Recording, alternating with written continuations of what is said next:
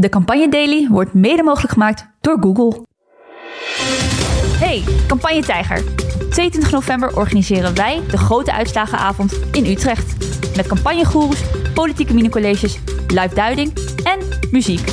Reserveer gratis je tickets via de website van Tivoli Vredenburg. Nog zeven dagen voor de Tweede Kamerverkiezingen. Het is vandaag woensdag 15 november. Mijn naam is Pelle en leuk dat je luistert naar de campagne Daily. Daar zit het hem ook in. Niemand wil uh, de bad guy spelen, even zal ik maar zeggen. Dus iedereen is, ja, nieuwe bestuurscultuur, dat wil ik ook. En, en u wil het ook. En uh, wat fijn. Ja, welkom op deze woensdag. Ik zit hier samen met Bianca Pander. Bianca, welkom terug. Ja, dank je dat ik weer mocht zijn. Ja, gezellig als je er bent. En uh, we worden vandaag gecompleteerd door Guus Valk. Welkom Guus. Hoi. Jij bent uh, politiek redacteur bij NRC uh, en natuurlijk ook bekend als uh, podcasthost van Haagse Zaken. Zeker. En je bent ook dagelijks aan het opnemen inmiddels, hè? Ja, we zijn altijd elke zaterdag dat, we, dat we een nieuwe aflevering online zetten. Um, maar deze twee campagneweken doen we dat elke werkdag. Dus elke werkdag zitten we ook aan zo'n tafel en dan bespreken gewoon eigenlijk heel informeel gewoon wat er gebeurd is die dag. Lekker, dat gaan we ook zeker straks doen. maar misschien even nog uitzoomen op hoe ziet zo'n laatste verkiezingsweek bij NRC eruit?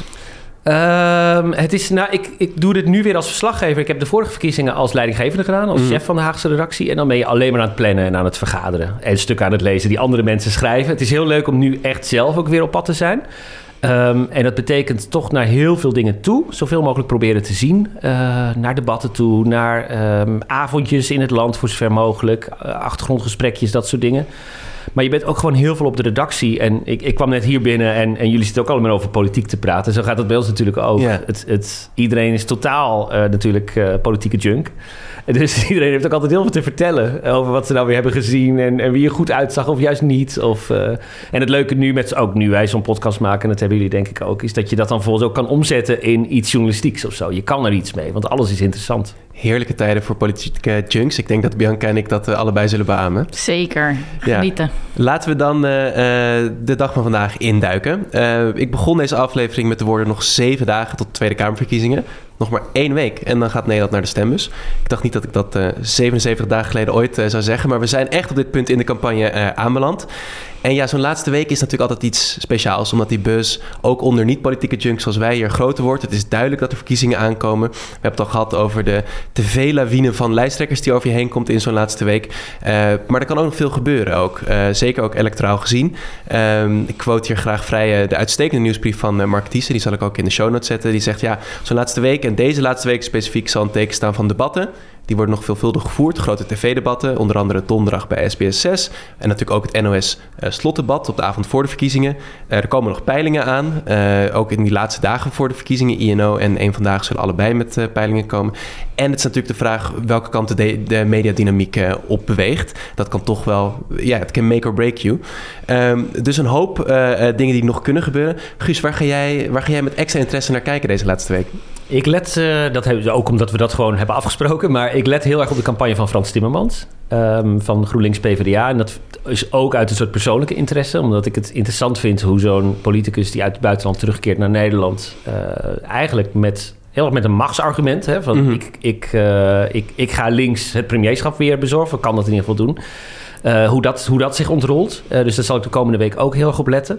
Ik zit ook gewoon heel veel avonden nu televisie te kijken, merk ik. Omdat ik, je wordt echt bedolven onder de lijsttrekkers. En dat deed me er weer aan herinneren hoe, um, hoe ongelooflijk kort een campagne in Nederland is. Het is echt maar twee weken, drie weken maximaal. En nu dit jaar nog veel korter lijkt het. Ja, het is, het is echt alleen alles op deze week. Vanaf nu wat gebeurde.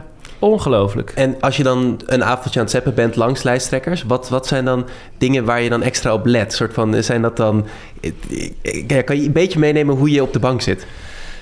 Nou, ik, ik ben altijd heel benieuwd. Passen ze een beetje in de omgeving waar ze zitten? Dus ik zag eh, Timmermans bijvoorbeeld bij Vandaag in Site zitten deze week. Uh, dat was toch wel heel ongemakkelijk, vond ik. Daar was hij duidelijk niet, niet op zijn plek. En misschien dat hij dacht van tevoren van... we gaan het over Roda hebben of zo. Of we gaan het over hè, uh, wielrennen hebben of wat dan ook.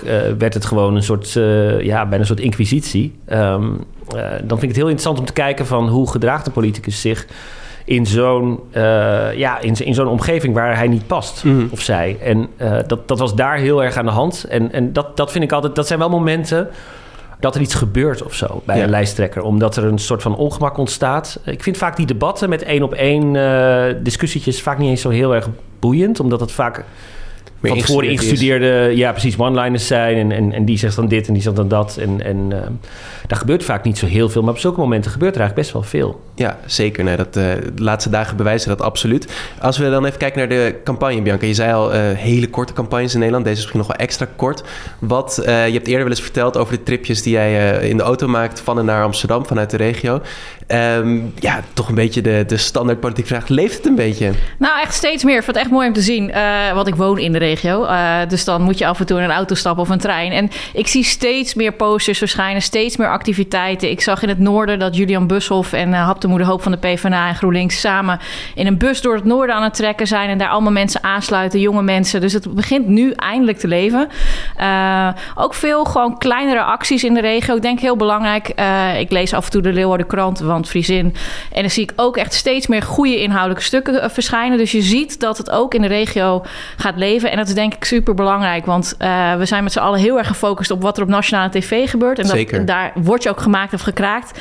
Maar er speelt ook heel veel in de regio. En regionale kandidaten kunnen dat veel beter uh, vertalen. En je ziet dat nu gebeuren. En ik hoop dat dat ook zijn effect heeft. Dat het ook over onderwerpen gaan die mensen, waar mensen daarvan denken: hè, het gaat eindelijk over ons. Dus dat vind ik interessant om te zien dat dat toch in die laatste week nu toch gaat gebeuren. Wat voor mensen komen er eigenlijk af op zo'n tour van uh, Hap de en Julian Bussel? Ja, het ligt heel erg aan waar ze naartoe gaan. Wat ik ervan begrepen, gisteren toevallig even met een paar mensen gesproken die in de bus mee zijn geweest. En het is dus, ja, ze, ze nodigen ook specifiek mensen uit. Dus ze gaan naar een dorpshuis om daar te praten over wat kunnen wij doen om die dorpshuizen overeind te houden. En dan komen er natuurlijk gewoon veel mensen uit het dorp zelf, die hm. daar vrijwilliger zijn.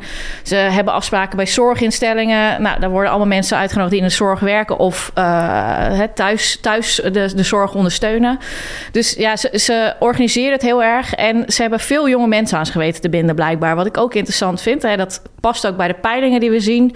Uh, dat jonge mensen toch uh, progressief willen stemmen. Dus uh, nou, interessant om te zien dat het in die campagne nu ook werkt. Ja, ja. zeker. Nee, zo, sowieso in het straatbeeld meer meer politici zien. En ook zeker aankomend weekend, zo'n laatste weekend voor de verkiezingen. Ja, als je niks mee te maken hebt, moet je niet even naar de plaatselijke markt gaan. Want dan staan ze daar met flyers in de aanslag.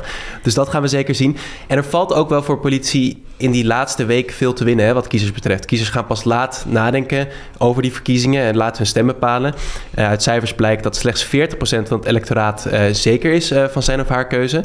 en dat is best wel weinig in vergelijking met eerdere verkiezingen. Dus er zit echt wel veel verschuivingspotentieel. Dus natuurlijk niet zo dat al die 60% van de rest helemaal zweeft en alle kanten nog op kan gaan. Maar ja, het verleden wijst wel uit, Guus, dat, dat er electoraal veel te winnen valt in deze tijd. Ja, je weet het nooit helemaal precies. En die peilingen geven duidelijk wel een trend aan en, en uh, laten wel duidelijk een soort hiërarchie zien. Maar bij voorgaande verkiezingen zie je toch altijd wel dat de laatste peilingen en de uiteindelijke uitslag toch wel behoorlijk van elkaar kunnen verschillen.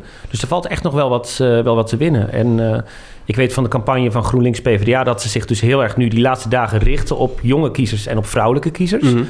Dat hebben ze overigens afgekeken van de verkiezingen in Polen, die uh, erg succesvol waren voor de Sociaaldemocraten. Dus uh, dat willen zij ook. Ja. uh, en waar ze natuurlijk ook bang voor zijn, is dat veel mensen thuis blijven. Ja. Uh, nee, los van of kiezers zweven. heel veel kiezers, of niet eens zo heel veel, maar toch een behoorlijk percentage, gaat gewoon niet stemmen. En daar zit natuurlijk ook, zeker onder jonge kiezers, een risico. Ja. Ja, het is heel vergelijkbaar eigenlijk met de situatie in de VS, waar Guus en ik altijd ook heel erg fan van zijn van de verkiezingen daar.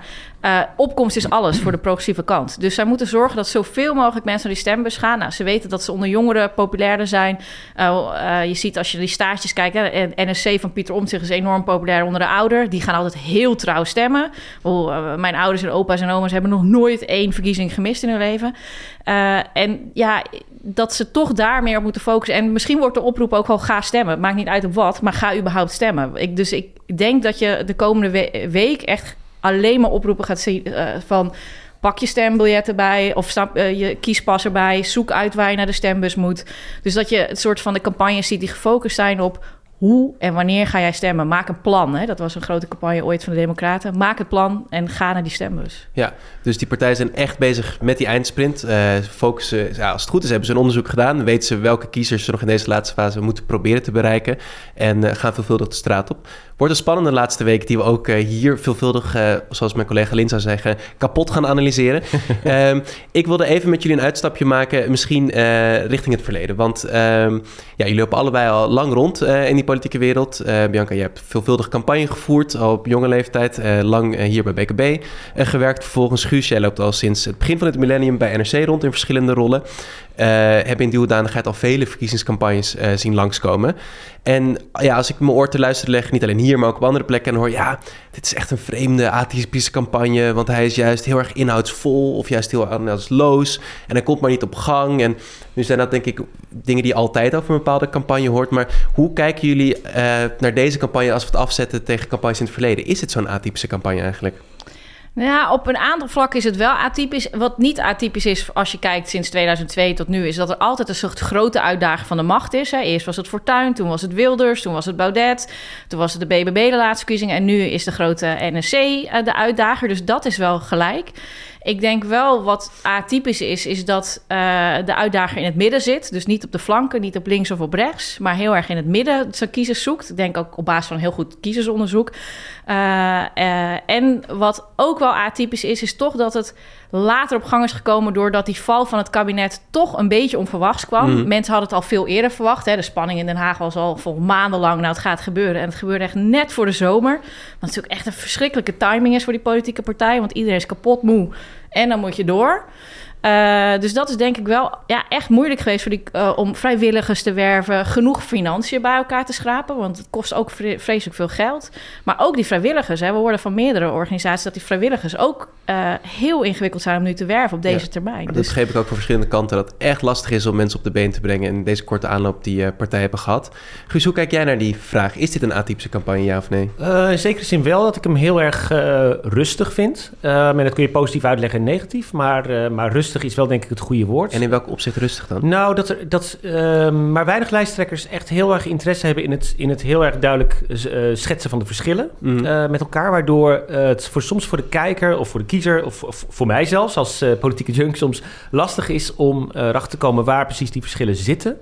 Um, en het is wel interessant, omdat het natuurlijk, jij noemde het 2002, dat was natuurlijk een breukjaar, omdat Wim Kok afscheid nam als minister-president. En, en ja, een, een soort van vacuüm ontstond. Dat leidde tot uh, de, de beroemde fortuinverkiezingen en, en, en de meest gepolariseerde verkiezingen ooit. Um, met een politieke moord tot gevolg. Um, maar ook in het, het, einde van het tijdperk Balkenende was een buitengewoon gepolariseerde uh, tijd. Waarin het CDA het ook niet meer wist. Uh, uiteindelijk ook electoraal helemaal instortte. Dan heb je over 2010, hè? Die 2010, toen verloor hij nog de verkiezingen, was hij eigenlijk net iets te lang doorgegaan. En daarna ging het helemaal mis voor het CDA. En wat je nu ziet, is dat iedereen lijkt te willen breken met het tijdperk Rutte. Um, maar dat leidt niet tot, tot enorm veel zuurstof in de campagne, heb ik het gevoel. Dus, dus je moet nog steeds zoeken naar de, naar de verschillen. Juist de, de, de deken die, hij, die zijn vertrek van de politiek af zou trekken, is er, ligt er nog steeds op, lijkt het wel. Um, ik denk ook door de, door de populariteit van Omtzigt, die, um, uh, die het voor anderen lastig maakt om hem uh, aan te vallen of kritiek te leveren. Dat komt nu een beetje schoorvoetend op gang, maar nog heel erg weinig. Dus ik vind in die zin wel een, een vreemde campagne. Ook omdat één centraal onderwerp eigenlijk ontbreekt. Ja. ja, dus niet echt nog. Ja, de referendumvraag is wie wordt de volgende leider eigenlijk. Want daar, daar, daar gaat het alleen maar over. Uh, en je ziet ook dat andere kandidaten, dus Jezilgus in dit geval en Timmermans, ook worstelen met het feit... ja, eigenlijk is uh, om zich niet echt de volgende premier. Dus waar kunnen we wel op aanvallen? Ja, op de inhoud van zijn partij. Maar het blijft allemaal heel ongrijpbaar volgens mij voor die andere partijen om duidelijke frames te plakken. Ja, behalve wat je kan doen is, hij twijfelt te veel. En waarom wil die man, hè, ik geloof dat Jezilgus dat ook gebruikte, die man weet niet eens of hij onze premier wil worden. Wat weet hij dan wel? Uh, maar het blijft niet heel erg plakken. En het heeft nee. ook geen invloed op de peilingen. Uh, en ja, ik hoor het ze ook minder weer zeggen nu. Ze hebben het een paar keer geprobeerd, maar opeens houden ze ook weer op met dat frame. Ja, ontzettend vreemd. En nee, Guus, hebt een beetje een deken over die campagne. De verwachting was natuurlijk, net als in 2002 en in mindere mate 2010... Mm -hmm. uh, dat, dat het vertrek van Rutte ervoor zou zorgen... dat die strijd helemaal open zou liggen en open zou barsten... en allemaal nieuwe spelers wat, ja, jullie duiden al een beetje, maar is, is Mark Rutte dan toch nog stiekem een beetje meer aanwezig in deze verkiezing dan we denken? Of, of ja, je ziet hem weinig, je hoort hem weinig, maar het lijkt dat inderdaad de politieke cultuur van de afgelopen 13 jaar dat de partijen daar toch mee worstelen om, om moeten we nou wel hard op de inhoud Ja. zijn en zacht op de persoon? Of ja, ik zoek daar zelf ook een beetje in, merk ik. Ja, daar zit een worsteling in. En het heeft er ook mee te maken dat, dat iedereen wil breken met een bepaald tijdperk. Ehm, maar er is ook niemand die die rol wil spelen van... oh, maar ik ben de continuïteit. Hè? Zoals Ad Melkert in 2002 dat bijvoorbeeld heel erg had. Ehm, of Tom de Graaf of zo. Eh, nu, is die, nu is er niemand die die rol wil spelen... van die onderuitgezakte Melkert aan die tafel, zal ik maar zeggen. dus daar, daar zit het hem ook in. Niemand wil eh, de bad guy spelen, Nee. even, zal ik maar zeggen. Dus iedereen is... ja, nieuwe bestuurscultuur, dat wil ik ook. En, en u wil het ook. En eh, wat fijn. Dus ook dat is geen polariserend onderwerp. Ehm, Nee, Dylan Jessicus maakt zelfs een poster eh, met een grote kop van haarzelf. Hij zegt eh, ook genoeg van eh, oude, Oude politiek. stem VVD. Ja. Ja. Die Nee, maar het is gewoon 185 jaar aan de macht is. Ja, maar het is zo knap hoe ze toch... eh, en jij zei net, de Rutte hangt er een beetje als een sluier boven. Maar, te- maar eigenlijk over de hele campagne. Maar de VVD heeft heel erg goed afstand van hem weten Ja. te nemen. En dat is echt heel erg knap. Want ze doen allerlei beweringen in hun eh, commercials... en hun en met name ingekochte eh, online eh, advertenties... waar ze gewoon dingen beweren waar gewoon die niet kloppen. Maar het is toch, overal is het antwoord op... beter klimaatbeleid, stem VVD. Inderdaad, de claim van nieuwe politiek, stem VVD. Dat je echt denkt, hoe is het mogelijk? Maar het, het lukt ze toch? En het werkt ook nog, die campagne. Ja. Ja, opmerkelijk eh, op zijn minst gezegd. Ehm, leuk om heel even dat in historisch perspectief te plaatsen. Eh, vind je die verkiezing van 2002 nou interessant? Eh, luister vooral even de podcast van Guus terug over de opkomst van Pim Fortuyn. Pim, te beluisteren in je favoriete podcast-app. Daar wordt die hele open verkiezing nog aan de hand van Pim Fortuyn even nabesproken. Zeker een luistertip voor de politieke junk. Ehm, tot slot wilde ik het dan met jullie hebben over een politicus die in de, eigenlijk de hele periode die we net hebben besproken eigenlijk er al was. Eh, Geert Wilders, lijsttrekker voor de PVV, eh, zit eh, sinds eh, 1998 in ons parlement. Eerst voor de VVD, inmiddels natuurlijk voor de PVV. Wordt na deze verkiezing ook de nieuwe alleen Nestor, zou ik bijna willen noemen, met het afzwaaien van Kees van der Staaij. Heeft dus dit allemaal meegemaakt. Ehm, en ja, interessant, in deze campagne kwam op meerdere momenten, stond eigenlijk de discussie van wie is hij, wat wil hij nou? Ehm, Dylan Jezogus eh, liet natuurlijk misschien iets nadrukkelijker de deur open eh, voor regeringsdeelname dan de VVD de afgelopen jaren deed. Daar kwam ze ook weer op terug. Ja, Geert Wilders reflecteerde daar zelf een beetje in het lijsttrekker-interview met de Volkskrant vanochtend op. En die zei, ja, journalisten en de buitenwereld hebben dat zo geïnterpreteerd. Dat, dat hij anders of milder zou zijn. Eh, ja, ik weet, de politiek gaat over beelden. Veel meer dan over de inhoud. Eh, dat heb ik in al die jaren wel geleerd. Niet alles is toeval natuurlijk. Maar volgens mij zijn we nog steeds dezelfde partij. Ja, en eh analyse die jij deelt, Guus. Is de PVV nog steeds dezelfde partij... ondanks dat daar misschien een beetje verwarring ontstond over in deze campagne? Ja, hij heeft natuurlijk wel signalen gegeven. eh, en die zijn heel duidelijk aangekomen. Dat hij inderdaad eh, een mildere versie van zichzelf is geworden. Dat heeft hij ook wel degelijk zelf gezegd. En, en ook ehm, eh, daar is ook goed naar geluisterd bij de VVD bijvoorbeeld. En ik geloof zelf niet zo heel erg dat ze bij de VVD zitten te wachten op de PVV. Helemaal niet zelfs. Alleen het puur openzetten op een kier van die deur maakt natuurlijk eh, de onderhandelingspositie veel sterker. Want jij bent straks degene die kan kiezen hè? Als, je, als je de grootste bent. En eh, lever je bijvoorbeeld niet per definitie uit aan Pieter Omtzigt en BBB bijvoorbeeld. Hè? Dan is er ook nog een ander pad dat je kan bewandelen. Dus wordt je onderhandelingspositie sterker. Ehm, Wilders eh, eh, benadrukt ook in zijn, in zijn optredens... Hè, het is toch een, een, een iets andere, ja, beetje elder statesman-achtige rol... die hij eh, soms... zo- 60 geworden dit jaar. ja, en dan zit hij aan, het, aan, aan tafel bij het RTL-debat... en dan zit hij soms een beetje zo boven de partijen te hangen... en het allemaal een beetje zo te analyseren... wat er allemaal gebeurt aan tafel. Ja, hij vat het ook even mooi samen ja. namens iedereen. Vond ik echt heel opvallend. Ja. ja, dat is, niet, dat is niet your usual Wilders. Maar dat is natuurlijk allemaal buitenkant. Uiteindelijk is de PVV is een, is een organisatie die al eh, sinds 2006... eh, eh, of 2005 zijn ze opgericht. In 2006 wonnen ze voor het eerst negen zetels in de Kamer. Ehm, ja, een, heel geharnast eh, eh, eenmansbedrijf is... Waar, waar de fractie volledig ten dienste staat van Wilders. Ehm, Wilders soms inhoudelijk verschuift... Maar hij blijft heel erg geloven in, ehm, in, een, in een soort hypergepolariseerd, beetje Anglo-Saxisch model van eh, oppositie voeren. Eh, jij doet er alles aan om de regering te laten vallen als oppositie, want dat is gewoon je taak. Eh, zo kijken ze er natuurlijk in het Verenigd Koninkrijk en de Verenigde Staten ook naar. Het is heel erg niet Nederlands in coalitieland Nederland. Maar ik kan me niet voorstellen dat hij dat principe heeft laten varen. Nee. Gisteren zat hij bij Nieuwsuur. Ehm, daar ging je wel een beetje in op die nuance wel of niet. Laten we heel veel naar hem luisteren. Ik snap ook dat er andere punten zijn nu die belangrijker zijn. Ik zei het al net tegen de vragensteller. Het gaat nu over eh, wat doen we. eh, deze week debat gehad met de verpleeghuiszorg. Komen er meer bedden bij? Wat doen we aan die grote problemen met asiel eh, en immigratie eh, in Nederland? Wat doen we met de bestaanszekerheid? Hoe zorgen we dat mensen weer geld in hun portemonnee krijgen? Dat heeft nu onze prioriteit. Islam zal nooit uit ons DNA gaan. Maar de prioriteit ligt nu duidelijk bij andere zaken als het gaat om de komende regeerperiode. Ja, dat is heel duidelijk.